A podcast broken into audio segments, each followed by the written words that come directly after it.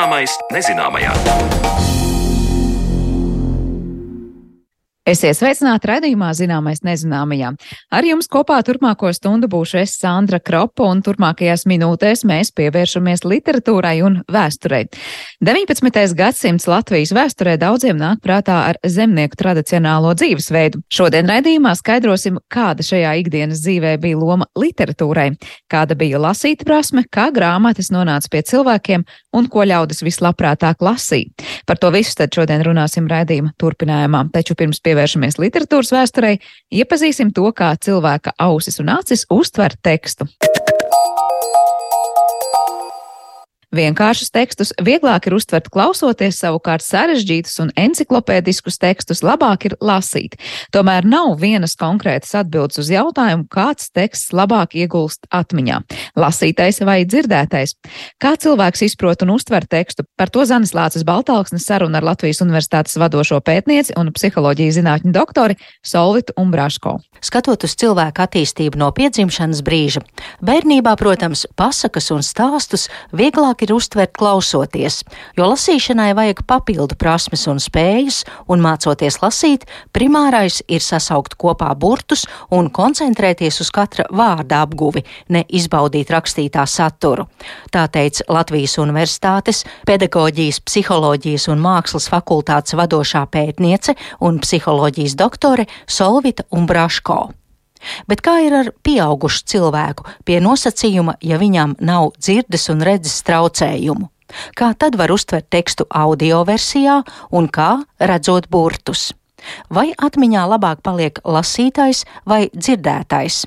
Par šiem jautājumiem turpmākajās minūtēs saruna ar Solvitu Umbraško. Bērniem, kuri sāk lasīt, ja mēs mēram izpratni, tad, protams, viņi vairāk saprot, ja viņiem stāsta, nekā to, ko viņi paši izlasa. Un tas ir tādēļ, ka viņi tajā posmā ir nodarbināti ar šo zīmju atpazīšanu. Nevis tā teksta izpratni vai stāstījuma izpratni kur viņiem klausoties nav īpaši jāpiepūlas. Bet strādājot ar tiem burtiem, kas ir pilnīgi jauna sistēma, tā ir abstrakta sistēma, tie simboli, un viņi kaut kā jāiemācās salikt kopā. Un tieši tāpēc tajā sākotnējā posmā tā arī ir, ka bērniem ir vieglāk saprast mudvārdu valodu nekā lasīto.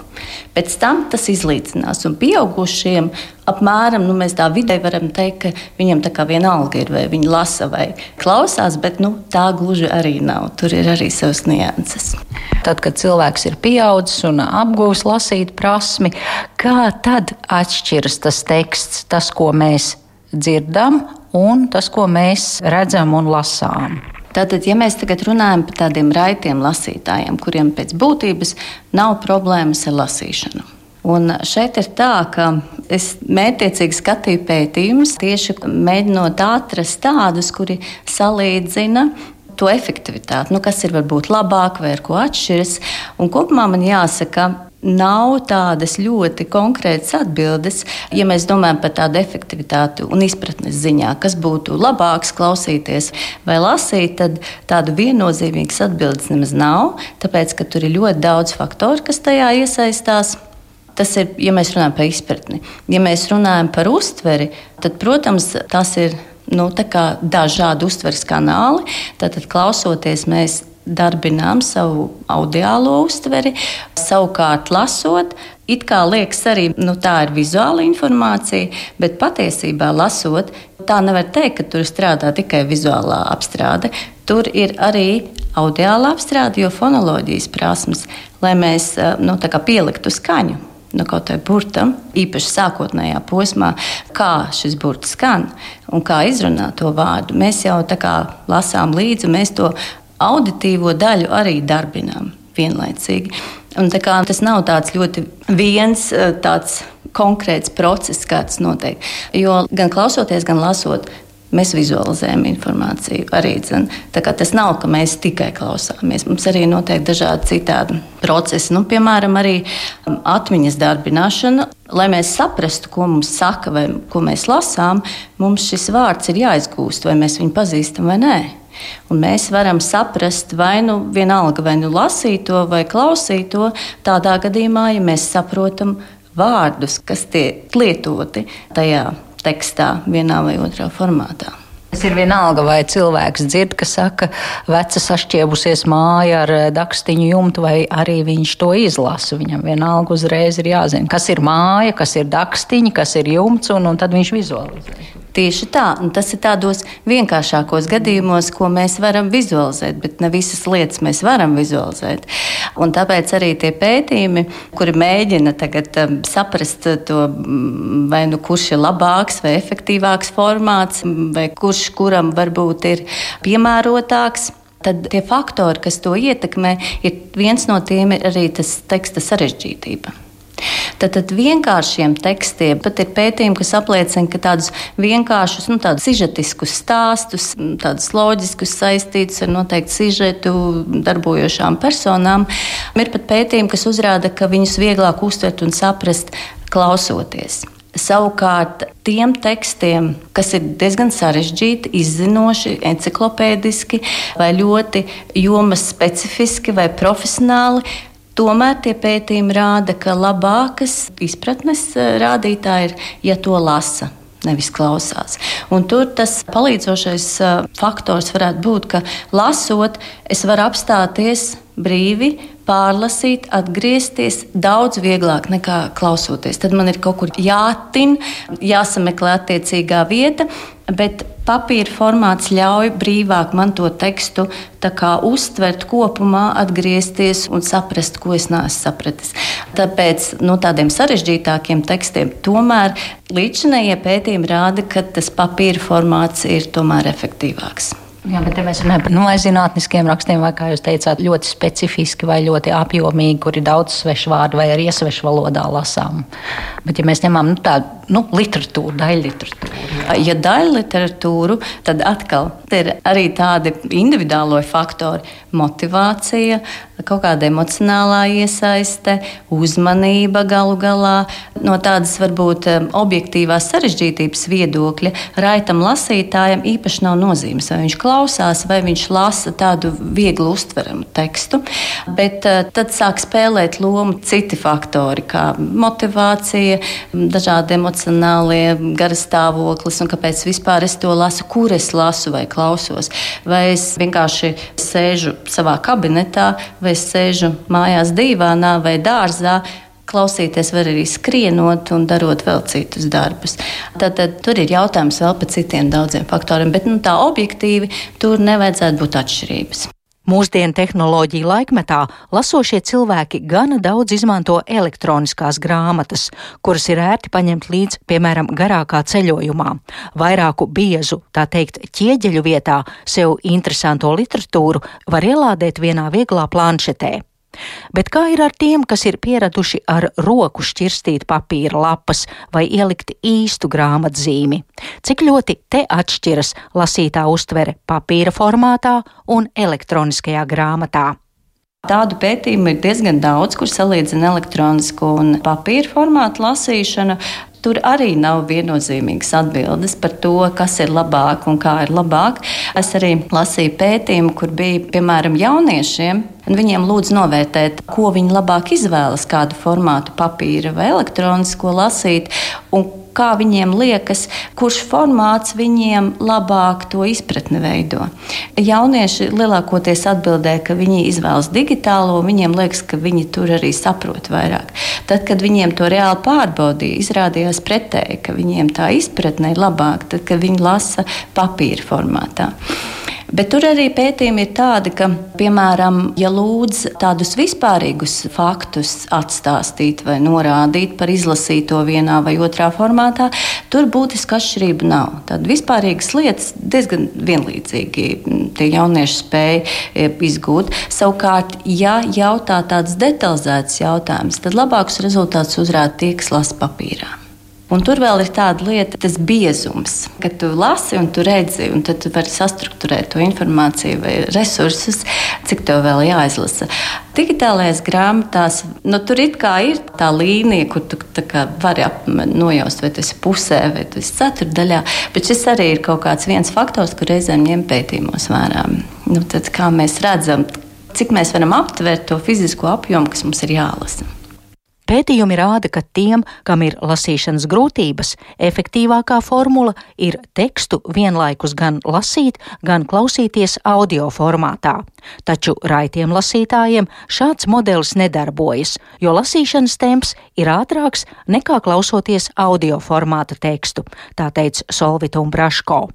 Viens no nedaudziem pētījumiem, kas mēģina saprast šo efektivitāti klausīšanās formāta vai lasīšanas formāta, un šeit demonstrējot šādu pētījumu sarežģītību, viens labs pētījums, kur viņi skatīja pa vecuma posmiem, kā tas attīstās. Un tie rezultāti bija tādi, ka, piemēram, otrajā klasē audio grāmatas bija tās, kas palīdz vairāk viņiem saprast informāciju.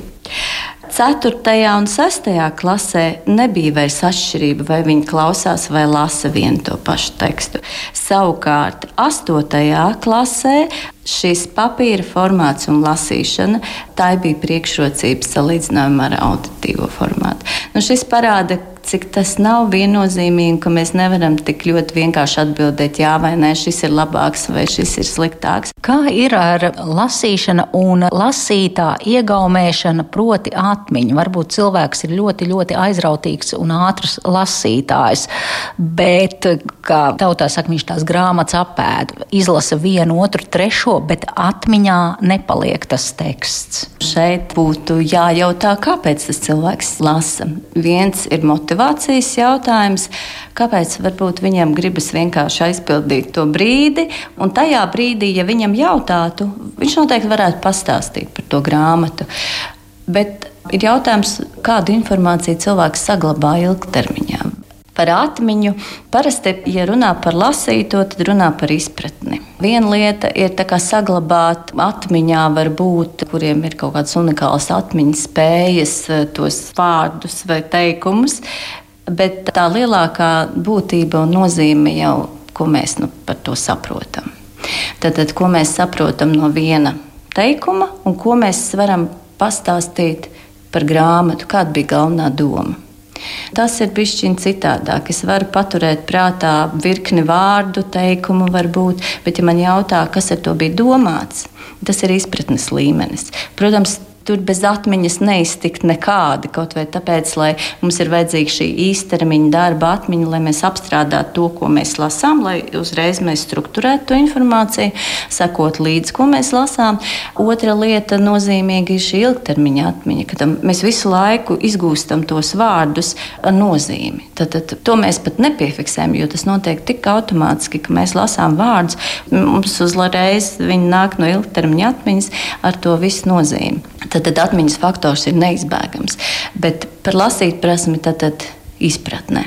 Vai mēs sapratām, un ja sapratām, vai mēs tiešām to noglabājam, lai pēc tam vēl atcerētos. Vai mums ir svarīgi šo izlasīt, saprast un atcerēties, jo man pēc tam to informāciju kaut kur vajadzēs lietot. Un tā ir mana mērķtiecīga darbība.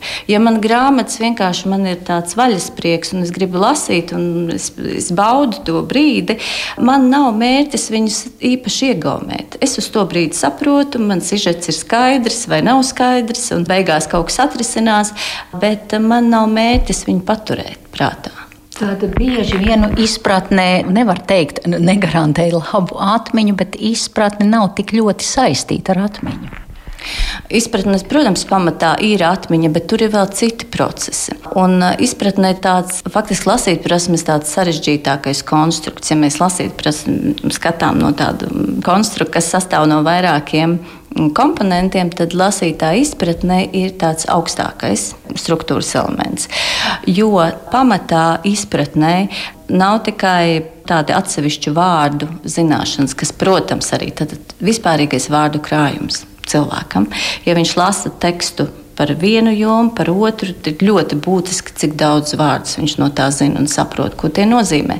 Otra lieta - viņa tās valodas zināšanas, kā tādas lingvistiskās, kā teikumi tiek veidoti, kāda doma tiek pausta ar noteiktiem teikumiem. Arī visas pamatzināšanas ietekmē izpratni. Tad, tad viss, ko bērns ir apguvis un turpina cilvēks apgūt, viss ietekmē šo izpratni. Jo lasīt prasme ir valodas, viena no prasmēm, un tai pamatā ir šīs valodas spējas. Tad vispārīgās valodas spējas ir ļoti būtiskas izpratnē. Un, protams, atmiņa, lai to visu atcerētos. Dzirdējām Zanes Lācis Baltāksnes stāstu par audiogrāmatām un lasām grāmatām, bet turpmākās minūtes pievēršamies tam, kā cilvēki lasīja pirms 150 gadiem.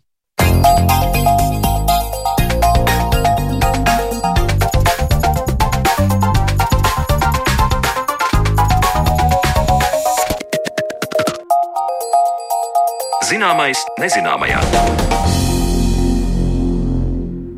Cilvēka attiecības ar literatūru ir bijušas ārkārtīgi dinamiskas kopš cilvēks radīja rakstību, un tajā redzam gan sabiedrības noslāņošanos, gan ievērojumu vēstures pagriezienu ietekmi uz cilvēku prasmi lasīt. Taču grāmata vienmēr ir bijusi kā durvis uz citu pasauli, kas ne visiem ir sasniedzama. Kā cilvēki lasīja 19. gadsimtā un kāpēc šim periodam ir tik būtiska loma mūsu literatūras vēsturē, par to uz sarunu esam aicinājuši Latvijas Universitātes Literatūras, Folkloras un Mākslas institūta vadošo pētnieku Benediktu Kalneču. Labdien! Labdien! Kā arī Latvijas Nacionālās bibliotekas vadošo pētnieku Paulu Dāju. Labdien! Labdien! Nu, sākšu ar to, ka jūs esat uzrakstījuši kopīgi monogrāfiju par garo 19. gadsimtu un to, kā cilvēki lasīja to laiku, un tas ir viens no Latvijas Zinātnes akadēmijas gada atzītajiem pētījumiem. Pastāstiet vispirms par to, ko tieši jūs pētījāt, analizējāt, un tad nonāksim līdz tam, kāpēc un vispār kāpēc par to ir būtiski runāt un diskutēt. Jāsaka, šī grāmata nav tieši mūsu monogrāfija, bet tas ir tāds klubdarbs. Tā bija pētnieku grupa, kur pārstāvējām mēs dažādas nozares. Tur bija gan um, mākslas zinātniece Kristiāna Abele, gan folkloriste Ginta Pērla Sīle, gan uh, vēsturnieks Mārtiņš Mintāurs, literatūras zinātniece Jā, Inguna Daugste Silsproģe. Uh, nu, mēs ar Paulu, un, un katrā ziņā šis bija tāds ļoti interesants darbs, kur katrs no sava skata punkta mēs paraudzījāmies uz dažādām 19. gadsimta procesa attīstībām. Jā, Aigu Šemetu es nepieminēju, kura kā ģermānists arī ļoti daudz pētīja latviešu preses sākums. Un tad faktiski no, no preses sākumiem no pārējas uz laicīgās literatūras lasīšanu, un, un tad tālāk uz to, kā attīstījās latviešu rakstniecība un kādi bija tie procesi, kā periodika ietekmēja jau tā modernā periodika 19. un 20. gadsimta mijā, par to viss ir grāmatā. Tad tas ir tas ļoti apjomīgs pētījums, kur viena daļa ir par tieši lasīt Mēs nezinām, tāpēc runāsim gan prasmi, gan, gan, gan iespējām, gan ko lasīja un kā lasīja. Bet kāpēc tieši šāds uh, aspekts jūs ieinteresēja? Varbūt kas ir tas jūsu motivācija vai pamatojums, kāpēc tas ir interesanti ne tikai nu, zinātnē, bet arī ko tas mums ļauj labāk izprast. Jā, es rakstīju šajā grāmatā nodaļu par uh, lasīšanas revolūciju 19. gadsimtā. Man liekas, ka mm, lasīšanas vēsture uh, ir ārkārtīgi interesanta tēma, tāpēc, ka tā ļauj ieraudzīt dzīvo cilvēku. Aiz eh, grāmatām, aiz kultūras vēstures notikumiem, aiz literatūras procesiem. Un uh, viena no lielākajām problēmām un izaicinājumiem, bet arī tas, kas padara lasīšanas vēsturi aizra, aizraujošu, uh, ir tas, ka lasītājs ir ļoti grūti notverams. Eh, mums nav no šiem laikiem eh, statistisku aptauju, piemēram, lielākā daļa ziņu, ko mēs varam iegūt par lasīšanas paradumiem un par lasītājiem un lasītājām, eh, ir netiešas. Bet tieši tas padara pētniekiem ļoti intriģējošu šo tēmu. Es tieši gribēju jautāt, kā ir iespējams notvert, eh, protams, ja mums tagad būtu rīcībā kaut kāda bibliotekas uzskaits, kas ko ir kādu grāmatu ņēmis, lasījis, nav lasījis, mēs jau pat īsti nezinām. Ja? Eh, par rakstniekiem liekas, ir vieglāk spriest, ja mums ir autors, mums ir darbs, nu tad mēs skatāmies, ko viņš ir sarakstījis. Kā zināt, ka cilvēks tiešām to lasīja, nevis vienkārši turēja plauktā, bet tiešām lasīja. Tam var pietuvoties no ļoti dažādām pusēm. Un viena acīm redzamākā ir uh, lasīt periodiku, lasīt grāmatas, īpaši atmiņu grāmatas, un izsakot tam, kā tur parādās dažādas lasīšanas pieredzes. Uh, arī, protams, autobiogrāfiskie dokumenti ir ļoti svarīgi. Uh, no otras puses, mums ir ziņas par lasīšanu, kas ir iegūstamas tieši grāmatniecības vēsturniekiem, piemēram, dažādos ierakstos, vecās grāmatās tāpat arī ir 19. gadsimtā tikuši veikti apkopojumi, piemēram, par to, cik katrā draudzē ir grāmatu. Mēs varam izsakot, piemēram, materiāliem par izsolēm vai testamentiem, kur ir novēlētas grāmatas un tā. Pa gabaliņām, pa drusciņai liekot kopā šo informāciju, paveras tā kopējā aina. Kādi ir tie secinājumi, kas vispār un cik daudz un ko lasīja Latvijas teritorijā 19. gadsimtā? Un arī tas gadsimts jau ir nu, plašs jēdziens. Jā, nu, tas ir ļoti interesants process, es domāju. Un lielā mērā jau tā pārēja ir no uh, reliģiskās literatūras, kur galvenokārt mājās varbūt ir, ir, ir bībele un nu, vēl iespējams kādas, kāda dziesmu grāmata, un tad pamazām, pamazām tā pietuvināšanās uh, laicīgajai literatūrai, uh, kas, protams, saistās ar Uh, nu, jā, varbūt kādā brīdī tās ir arī praktisku padomu grāmatas, bet tad mm, droši vien tā uh, ko, ko var apzīmēt par, par lasīšanas revolūciju, tā laikam izpaužas tādos divos uh, veidos. Viens ir tas, kā tiek nu, paplašinās tas, tas grā, lasīto grāmatu lokus, un, un noteikti arī tāda populārās literatūras ietekme. Teiksim, tad cilvēks sāk lasīt nu, uh, tāds lielāki, lielāka apjoma darbi, jau tad ir romāni dažādi populāri, bet, protams, arī dažādas dziesmu lapas un vispār tā literatūra, kas, kas piesaist uzmanību. Un, protams, tad nu, gadsimta gaitā jau notiek arī tāds interesants process, ka risinās cīņas starp uh, starp varbūt to, kā it īpaši ienākot jaunatviešu, jaunatviešu idejām, ka tiek mēģinājums uh, nu, pavērst to tā, lai cilvēki lasa nopietnu, vērtīgu literatūru, bet nu, te pašā laikā skaitliski jau tas tā nav droši vien vienmēr. Bet varam teikt, ka pirms jaunatviešiem ir izteikta tā tendence, ka to nopietno literatūru nu, ir jāmāca tautē lasīt un jāmotivē, un pēc tam notiek kaut kāda pievēršanās tam, vai tā gluži nav? Man liekas, ka tas nav tāds lineārs stāsts. Jo, protams, eh, mm, lasītāju publikas veidošana un, var teikt, arī pieredināšana pie lasīšanas, ar ko nu, jau kopš iepriekšējiem gadsimtiem nodarbojas eh, vācu mācītāji lielākoties, eh, tā bieži vien ietver sevi, mm, cik tālu ir runa par laicīgo literatūru tā ietver sevī tādu izpratni par lasīšanu kā izklaidējošu nodarbi. Un tas īpaši 19. gadsimta sākumā lasītājiem ir kaut kas jauns, jo ir pierasts raudzīties uz lasīšanu kā reliģisku pieredzi un uz grāmatu kā uz sakrālu objektu. Un man ļoti patīk uh, grāmatniecības vēsturnieka Aleksa Apīņa formulējums. Viņš ir teicis, ka 19. gadsimtā pakāpeniski uh, grāmata pārvēršas par vienkāršu ikdienas priekšmetu par pašsaprotamu daļu no ikdienas. Un, uh, tāpēc man liekas, arī 19. gadsimta mm, literatūras grāmatniecības vēsture ir uh, svarīgi uh, pētīt un tajā ieskatīties, jo mēs redzam, kā lasīšana un grāmata kļūst par to, kas tā ir arī mums šodien. Bet tā ikdienišķā, šobrīd, nu, tā kā priekšmets, var teikt, tā grāmata, kas kļuva 19. gadsimta cilvēkam, tas bija uh, lielai daļai sabiedrības, vai mēs joprojām runājam par ļoti mazu daļu sabiedrības, kas tolaik bija tā, kas vispār to grāmatu uztvēra kā kaut ko vērtīgu vai kaut ko, kas, kas mājās būtu jātur?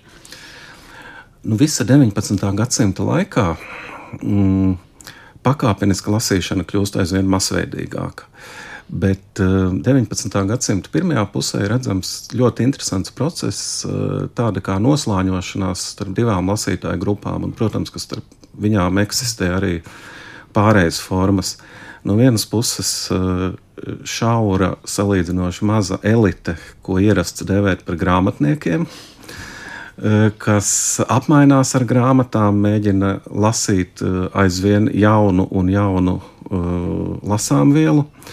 Un tāpat laikā lielākā sabiedrības daļa 19. gadsimta sākumā vēl aizvien uh, lasa lielākoties reliģisku literatūru, ierobežotu grāmatu skaitu, ko pārlasa uh, atkal un atkal visu mūža garumā, un lasa ļoti bieži ceremoniālos nolūkos.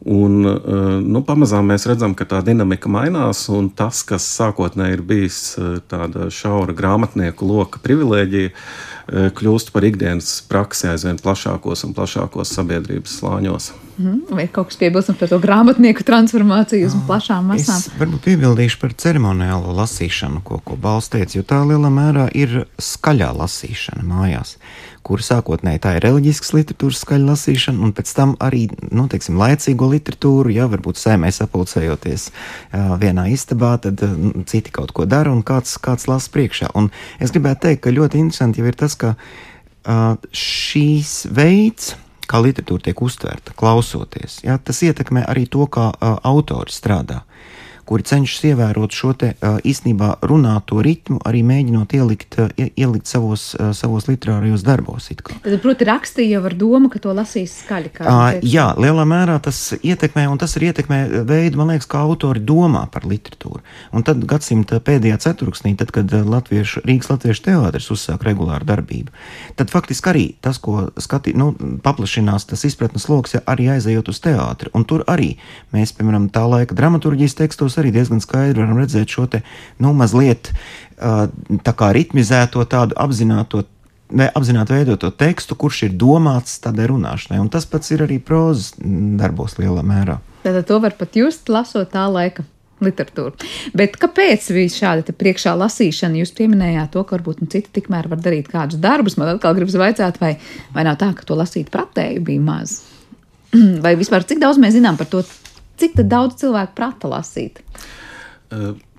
Mēs varam vēsturiski ļoti lepoties ar lasītu pretēju skaitu Latvijā 18. gadsimta beigās un 19. gadsimta sākumā. Vidzemē lasītu prata divas trešdaļas iedzīvotāju, un kurzemē viena trešdaļa.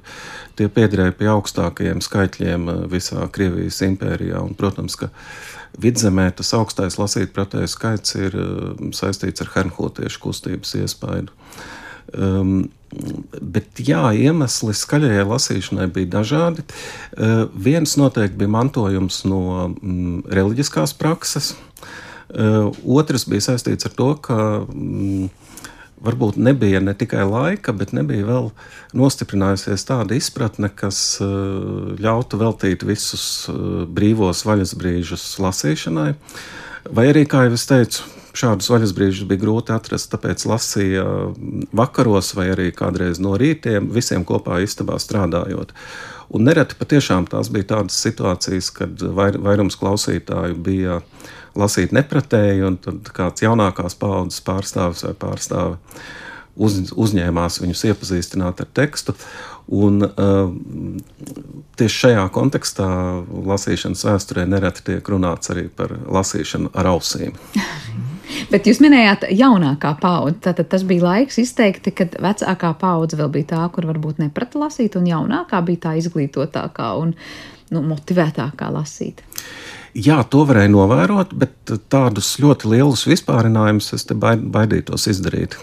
Jā, nu, droši vien, par to ir ļoti grūti tā attālināt laikā spriest, bet eh, arī par tām motivācijām, kāpēc to laiku cilvēki tad, eh, nu, nezinu, bija motivēti mācīties, lasīt, vai tā bija tāda nepieciešamība, un, un to vienkārši vajadzēja, vai cilvēki, nu, cik daudz par to, protams, mēs varam vispār spriest, apzinājās kaut kādu, es nezinu, baudījumu no tā, vai zināja, ka tas ir tiešām tāds lokus uz citu laiku, citu pasauli. Kas bija tās motivācijas? Droši vien, ka viena tā, viens tas, um, viena tā motivācija ir, ka, ka atveras plašāks skats, un, protams, kā to, nu, teiksim, tulko to lielākoties populāro romānu uh, tajā aplūkotajā vidē tur jau ir ļoti daudz arī tiksim, eksotisks, dažādas telpas un svešas telpas, bet ļoti būtiska loma jau bija gan 19. gadsimta laikā, gan kalendāriem, gan periodikai. Un patiesībā tas, ka cilvēki nu, arī, arī teiksim, avīžu lasīšana notika skaļi, un tad varēja visus šos jaunākos notikumus apspriest, droši vien, ka tas arī nu, sekmēja kaut kā dalīšanos domās un, un vispār domāšanu par to, kas tiešām notiek apkārt.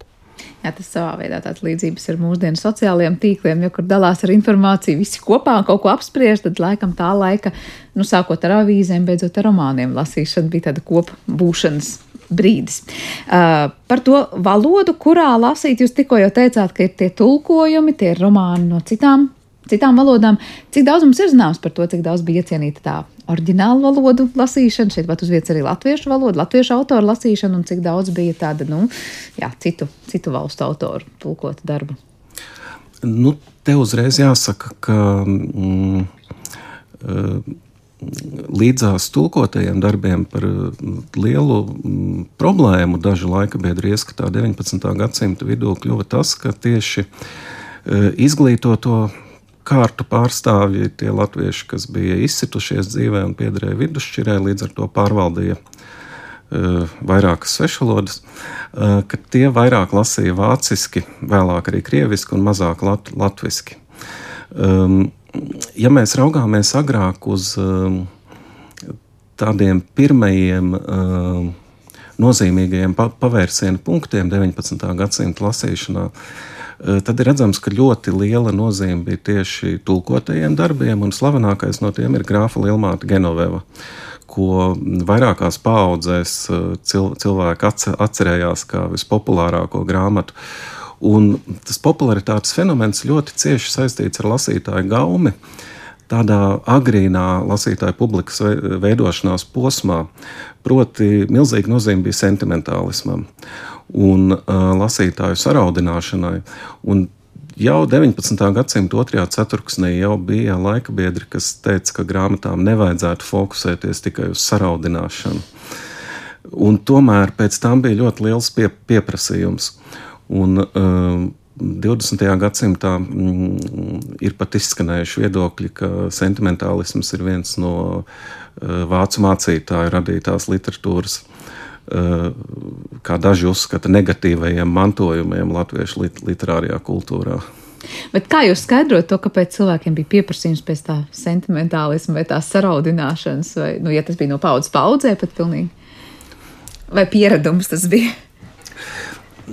Nu, vispār, ja mēs skatāmies uz tādu mm, eh, dinamiku 19. gadsimta literatūrā un lasīšanā, tad uh, Eh, tas visu laiku svārstās no vienas puses starp sentimentālismu, no otras puses starp racionālismu, izpratni par um, lasīšanu, kā sevis pilnveidošanu, kā intelektuālu nodarbi, kaut ko pretēju tai sentimentālajai pieredzēji. Um, bet uh, liekas, ka sentimentālā lasīšana ir uh, tieši tas uh, tuvākais, ar ko uh, katra lasītāja publika uh, sāk veidoties. Uh, Un 19. gadsimts, 19. gadsimta sākums ir tas laiks, kad veidojas latvi, latviešu modernā lasītāju publika pa īstam, un grāmatas sāk rakstīt, sāk rakstīt un publicēt jau pēc pieprasījuma. Varētu vēl piebilst, ka nu, tam, man liekas, ir tāda gara tradīcija vācu uh, uh, mācītāji un vispār vācu baltiešu kultūra. Kaut kādā ziņā jau viņa bija vismaz vēl 19. gadsimta pirmajā pusē orientēta uz to, ka piedāvāt lasām vielu, nu, mēs šodien teiktu, vieglajā valodā, ar domu, ka latviešiem varbūt nevajag tās, tās sarežģītās problēmas, kādas nopietnas, uh, nopietnas lietas arī literatūrā, un īstenībā tās ir diskusijas, kas turpinās līdz gadsimta beigām. Tad, kad iztulko labi zināmo uh, Johanu Wolfgangu von Gētas Faustu, gadsimta beigās, tad arī notiek sarunas par to, vai, vai tad latvieši to vispār varēs, varēs saprast. Un tas ir tāds, tāds ceļš, un, un Pauls arī precīzi teica, ka faktiski jau nu, mēs droši vien katrs arī izaugam no grāmatām, teiksim, bērnu grāmatām, un tad ejam pa soli, pa solim tālāk, un tieši tas pats process jau, man liekas, notiek sabiedrībā. Bet vai bija tolaik tāda, nu, es nezinu, mūsdienās mēs to saucam par tādu klasiku vai tādu obligāto literatūras, es nezinu, sarakstu, ko no paudzes paudzē lasīja, proti, nu, kas bija vienojošais starp, tur, nezinu, māti, tēvu, bērniem un mazbērniem, un proti, visi uzauga zinot vai lasot vienu un to pašu. Šo klasikas vietu pilnīgi noteikti pildīja reliģiskā literatūra. Gan Bībele, gan sprediķu krājumi, Eh, gan ir īpaši dziesmu grāmatas. Eh, līdz pat 19. gadsimta vidum eh, ļoti dominē tieši šie grāmatu veidi mm, latviešu grāmatu produkcijā. Runājot par to, kā cilvēki vai apmainījās ar tām grāmatām, vai nu, iegūta kaut kā īpašumā, un tad turēja, vai es nezinu, kad parādās tādas kā bibliotekas, kurā atnāk, un tiešām nu, tas ir diezgan tā, nu, plašai sabiedrībai pieejami. Kāda bija tā grāmatu aprite un kur tā notika? Uh, Tas ir eh, ļoti uh, interesants jautājums, un tur var mm, uh, nu, no dažādām pusēm tam pietuvoties. Uh, grāmatas izplatījās daudzos dažādos ceļos. Ļoti liela nozīme bija sākotnēji, piemēram, mācītājiem, kā grāmatu izplatītājiem, bet arī kolportieriem. Un stāsti par kolportieriem, apkārt ceļojošiem grāmatu tirgotājiem, tā ir vesela leģenda 19. gadsimtā. Un 19. gadsimta pirmajā pusē, pateicoties mācītājiem, tapa arī pirmās bibliotēkas, gan pie baznīcām, gan pie skolām, kur samaksājot nelielu naudas summu, bija iespējams ņemt grāmatas līdzi uz mājām un lasīt. Savukārt tās grāmatas, kas bija iegādātas, ceļoja no mājas uz māju, Un uh, atšķirībā no reliģiskajām grāmatām, no Bībeles, sprediķu grāmatas, dziesmu grāmatas, uh, beletristika, stāsti, romāni, šīs grāmatas netika uzskatītas par tādu vērtīgu objektu, kas būtu jāglabā, tāpēc tas las, lasītāju skaits bieži vien vienai grāmatai dubultojās, trīskāršojās un tā tālāk. Tad, nu tā, turēt grāmatu savā īpašumā nebija nemaz īsti cieņā to laiku. Uh, Vai tas nebija pat īsti iespējams? Uh, mums ir iespējams rekonstruēt latviešu zemnieka grāmatplauktu, īpaši to ideālo grāmatplauktu, kādu iztēlojās mācītāji un vēlāk skolotāji. Um, grāmatas tika glabātas uh, goda vietā, um, bet sākotnēji tas lielākoties attiecās tieši uz reliģiskajām grāmatām.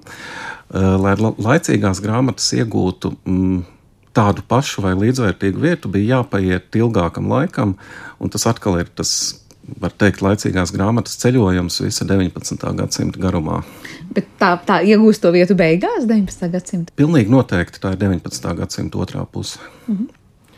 Es pie Pāvila teiktā tad vienu varbūt nianses piebildīšu, ka uh, man liekas, ka vācu mācītāji un vācu inteliģences mājās tur jau bija uh, tomēr ātrāk jau tādas diezgan jau labi nokomplektētas, nokomplektētas uh, bibliotekas. Un, nu, te mēs runājam, protams, par kaut kādu šauru segmentu no latviešiem, bet, bet viņi nu, bija arī situācijas, kur, eh, kur, kur latvieši arī varēja no mācītājiem dabūt tās grāmatas un, un lasīt, un tie, kurus tas interesēja, tie, protams, to arī izmantoja. Un skaidrs jau, ka gadsimta pēdējās desmitgadēs nu, arī vācu apgādi, tie, kas izdeva arī grāmatas Vācijā, nu, tas ir par to lasīšanu dažādās valodās, ko arī jā, pieminējām. Tās bija Rīgā jau bija ļoti daudz kas pieejams, patiesībā sakot, grāmatu veikalos. Tā kā sekot jaunākajām parādībām varēja ļoti labi. Jā, mēs iesākām sarunu par latviešu zemniekiem, un tāpēc arī uh, turpinājām tāpat. Bet, ja mēs drusku paceļam skatu pāri uh, zemnieku sētē, tad jau vesela atsevišķa tēma ir mūžu bibliotekas. Un, protams, arī pilsētnieku grāmatu krājumi. Tas ir diezgan uh, nopietni arī līdz šim pētīts. Viens tāds interesants piemērs ir Hernhūtieša Jāņa Steinhauera uh, grāmatu plaukts. Mēs varam iegūt par to ziņas. Kas tajā ir? Um, Tajā bija mm, ievērojams skaits grāmatu, gan latviešu, gan, gan vāciski. Uh, ļoti daudz specializētās literatūras grāmatas par vēsturi, uh, bet interesanti, tā kā viņš bija dievbijīgs, tad uh, šķiet, ka nebija vismaz nav fiksēta neviena daļliteratūras grāmata. Eh, nu, šis stāsts attiecas uz 18. gadsimtu, arī par 19. gadsimta latviešu rīznieku grāmatplauktiem ir plašākas ziņas. Eh, tā ka ļoti svarīgi ir nošķirt, eh, protams, sociālo piedarību vai runa par zemniekiem vai augstākām sociālajām klasēm. Katrā no šiem gadījumiem eh, attiecībā uz lasīšanu un grāmatām cilvēki dzīvoja bieži vien pilnīgi dažādās pasaulēs. Bet tad, kad izplatīja grāmatas šie ceļojošie grāmatu tirgotāji, tad tā auditorija tur toreiz bija tie pilsētnieki vai tie, tie zemnieki, un tad jautājums, vai tā grāmata bija nu, tāda dārga un nepieejama, kuru, piemēram, no tāda ceļojošā izplatītāja iegūt bija nu, retums. Grāmatas izplatīja gan zemnieku mājās, gan, piemēram, gada tirgos. Eh, un, protams, arī pilsētās. Principā ir iespējams finansiāli salīdzināt ar lauksaimniecības produkciju. Un 400 eh, gramu sviesta maksāja apmēram 15 kopēkas. Dažādi populāri uh, daļliteratūras izdevumi maksāja 20 līdz 30 kopēkas. Kopumā grāmatas nebija dārgas, un tās varēja atļauties. Liela nozīme bija īpaši 19. gadsimta sākumā arī mecenātismam. Bija gan dažādas labdarības biedrības, īpaši Bībeles biedrība, gan arī atsevišķi mužnieki, kas pasūtīja grāmatas un izdalīja bez maksas. Domājot par to jautājumu loku, ko jūs kā pētnieki varbūt priekš sevis jaunu uzzinājāt, vai kādus jaunus domu graudus guvāt, tas ir, protams, viens jautājums un aspekts, kurā es aicinu jūs dalīties, ir kādas lietas, kas jums pašiem bija pārsteigumi, bet noslēdzot pamazām šo sarunu, es laikam vaicātu arī, vai jūs esat atraduši kaut ko, kā mēs skatoties uz to, ko lasīja 19. gadsimtā, kāda bija tā laika literatūra, ir veidojusi to lasīšanas pieredzi un, un to, kā mēs lasām šodien? Benedikts. Es domāju, ka noteikti. Es domāju, ka rakstnieki jau, it īpaši tad, kad sākās varbūt 19. gadsimta 40., 50. gados un tālāk, latviešu prozā sāka runāt par tām tēmām, kas, kas autoriem tobrīd bija svarīgas. Viņi jau rakstīja par to, ko viņi redzēja sev visapkārt. Lielā mērā tāpēc tā ir arī literatūra, nu, tobrīd tie ir varbūt, varbūt, varbūt zemnieki, un tad pamazām, pamazām, un drusku arī ar pretestību pat parādās, teiksim, pilsētnieki. Bet, jā, tā ir tā reālā, reālā vide, reālā dzīve un, un situācijas, kuras, kuras viņi redz, un to jau cilvēkiem to mēs vienmēr gribam arī lasīt, vai ne? Kas ir ap mums apkārt. Un tad, protams, ir ļoti interesanti vērot, nu, pē, par pētniecību runājot, kā no šīs varbūt sadzīviskā līmeņa, tad soli pa solim izaug jau ļoti smalki, varbūt teiksim, poētiski piepildīti teksti, kur, kur katra detaļa ir, ir rūpīgi izsvērta un iekļauts tajā vēstījumā. Bet diezgan daudz jau sākumā ir tomēr arī tāda mazliet, mazliet, mazliet empirisks, dalīšanās empiriskā pieredzē. Atkal jāsaka, tas ir, tas ir ceļš arī, arī autoriem, jā, līdz tā literatūrai, nu, ko mēs redzam varbūt, varbūt mūsdienās, kas jau ir estētiski daudz, daudz bagātāk un daudzveidīgāk. Bet šobrīd, piemēram, 21. gadsimta cilvēkam, lasot nu, tādu 19. gadsimta tur zemnieku sētas, tur gada griezumā tēlojumu, kas un kā notiek, vērojumu, jūsuprāt, tas ir laiks, kas ir aizgājis un pagājis, un 19. gadsimta cilvēks lasīja to ar pilnīgi citu motivāciju, un, un ir kaut kur saprotams, kāpēc varbūt 21. gadsimta cilvēkam ir grūti pat varbūt sekot līdzi tam stāstījumam. Es, es domāju, ka, protams, ka katrā laikā mēs lasām ar, ar citām acīm un lasām no tā laika viedokļa, kurā mēs, mēs dzīvojam. Sadzīve, protams, ir, ir, ir daudz kas ir aizgājis un novecojis, bet man liekas, ka labākajā šīs literatūras daļā ir tās cilvēku attiecības, ir, ir faktiski tās kaislības, ir tas, ka cilvēki sāk ar vien vairāk apzināties savas dzīves vērtību. Tas tur ir ļoti precīzi atklāts daudzos gadījumos, un tas ir interesanti, man liekas, arī visos šobrīd. laikos. Tieši tā. Olam jautājums arī. Jā, man ir mm, tādas vairākas atbildes droši vien. Man liekas, ir ļoti interesanti tas, ka mēs vēl aizvien varam ar patiesu interesi lasīt, piemēram, Rudolfa Blaumaņa darbus. Un tāpat laikā ir daudz grūtāk lasīt um, tos tā dēvētos lubu romānus, uh, uh, piedzīvojumu literatūru vai sentimentālos darbus, kas baudīja tik lielu popularitāti 19. gadsimtā. Uh, mūsdienu lasītājiem tas būtu diezgan liels izaicinājums. Uh, ar šiem darbiem tik galā. Bet man pašam strādājot mm, pie šīs eh, kolektīvās monogrāfijas, varbūt mm, tāda visinteresantākā mm, pieredze un atklājums bija tieši eh, pirmo grāmatnieku paudžu veidošanās. Un iespēja izsakot eh, tiem stāstiem par cilvēkiem, kas atklāja sev grāmatas, bieži vien paši uz savu roku, kas mainījās ar grāmatām, sazinājās savā starpā, tīk, tīklojās būtībā uh, savstarpēji, uh, veidojoties tādiem pirmajām intelektuāļu grupām Latvijas lauk, laukos. Man liekas, šie stāsti ir ļoti mm, iedvesmojoši, un katrā ziņā man bija ļoti interesanti to pētīt. Tad katrā ziņā jūs teiktu, ka tas eh, viens segments, ko mūsdienu lasītājs nemaz nespētu īsti izlasīt, jā, tās, tās vieglās, var teikt, nu, tās grāmatas, kas bija to laiku šie stāsti un romāni. Un savukārt ir tās pārējās lietas, nu, tiešām tā klasika, kas nevēl ir klasika, kas ir aktuāla visos laikos un aktuāli bijusi vienlīdz svarīga tam cilvēkam 19. gadsimtā kā, kā mums 21. Jā, es domāju, ka tieši tā, tā varētu teikt. kas attiecas uz tā dēvētajiem lubu, lubu romāniem, droši vien, ka katram no mums ir iespēja mēģināt un pārliecināt. Savus spēkus, vai ne? Jā. Jā, paldies jums par šo sarunu. Skaidrs ir viens, ka darbs laikam ir apjomīgs, kas ir izdarīts, un ir tik interesanti, ka cilvēki, kas ir tiešām kā tādā laika mašīnā iekāpuši un palūkojušies, ko tad mēģināšu notvert. Cilvēki ir lasījuši krietnu laiku pirms mums, kāpēc ir lasījuši un kā ir lasījuši. Un, nu, vismaz man noteikti tas viens no domu graudiem, ko, ko, ko paņemt līdzi pēc šīs sarunas, ir tas, ka šis mīts, ka lasīt pretēji bija ļoti maz Latvijā tajā laikā. Patiesībā tie skaitļi, kā Pauli jūs teicāt, apstiprina pretējo.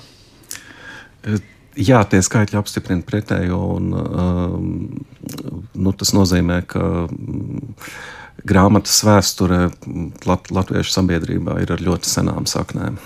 Paldies par šo sarunu. Atgādināšu, ka Latvijas Universitātes literatūras, folkloras un mākslas institūta vadošais pētnieks Benedikts Kalnečs, kā arī Latvijas Nacionālās bibliotekas vadošais pētnieks Pauls Dāja bija šodien ar mums raidījumā Zināmais nezināmajā, un šo raidījumu producēja Paula Gulbinska, mūzikas redaktors bija Girds Bišs, Kristīna Delbija, skaņu režijā un Sandra Kropes studijā. Mēs tiekamies jau pavisam drīz. Visu labu!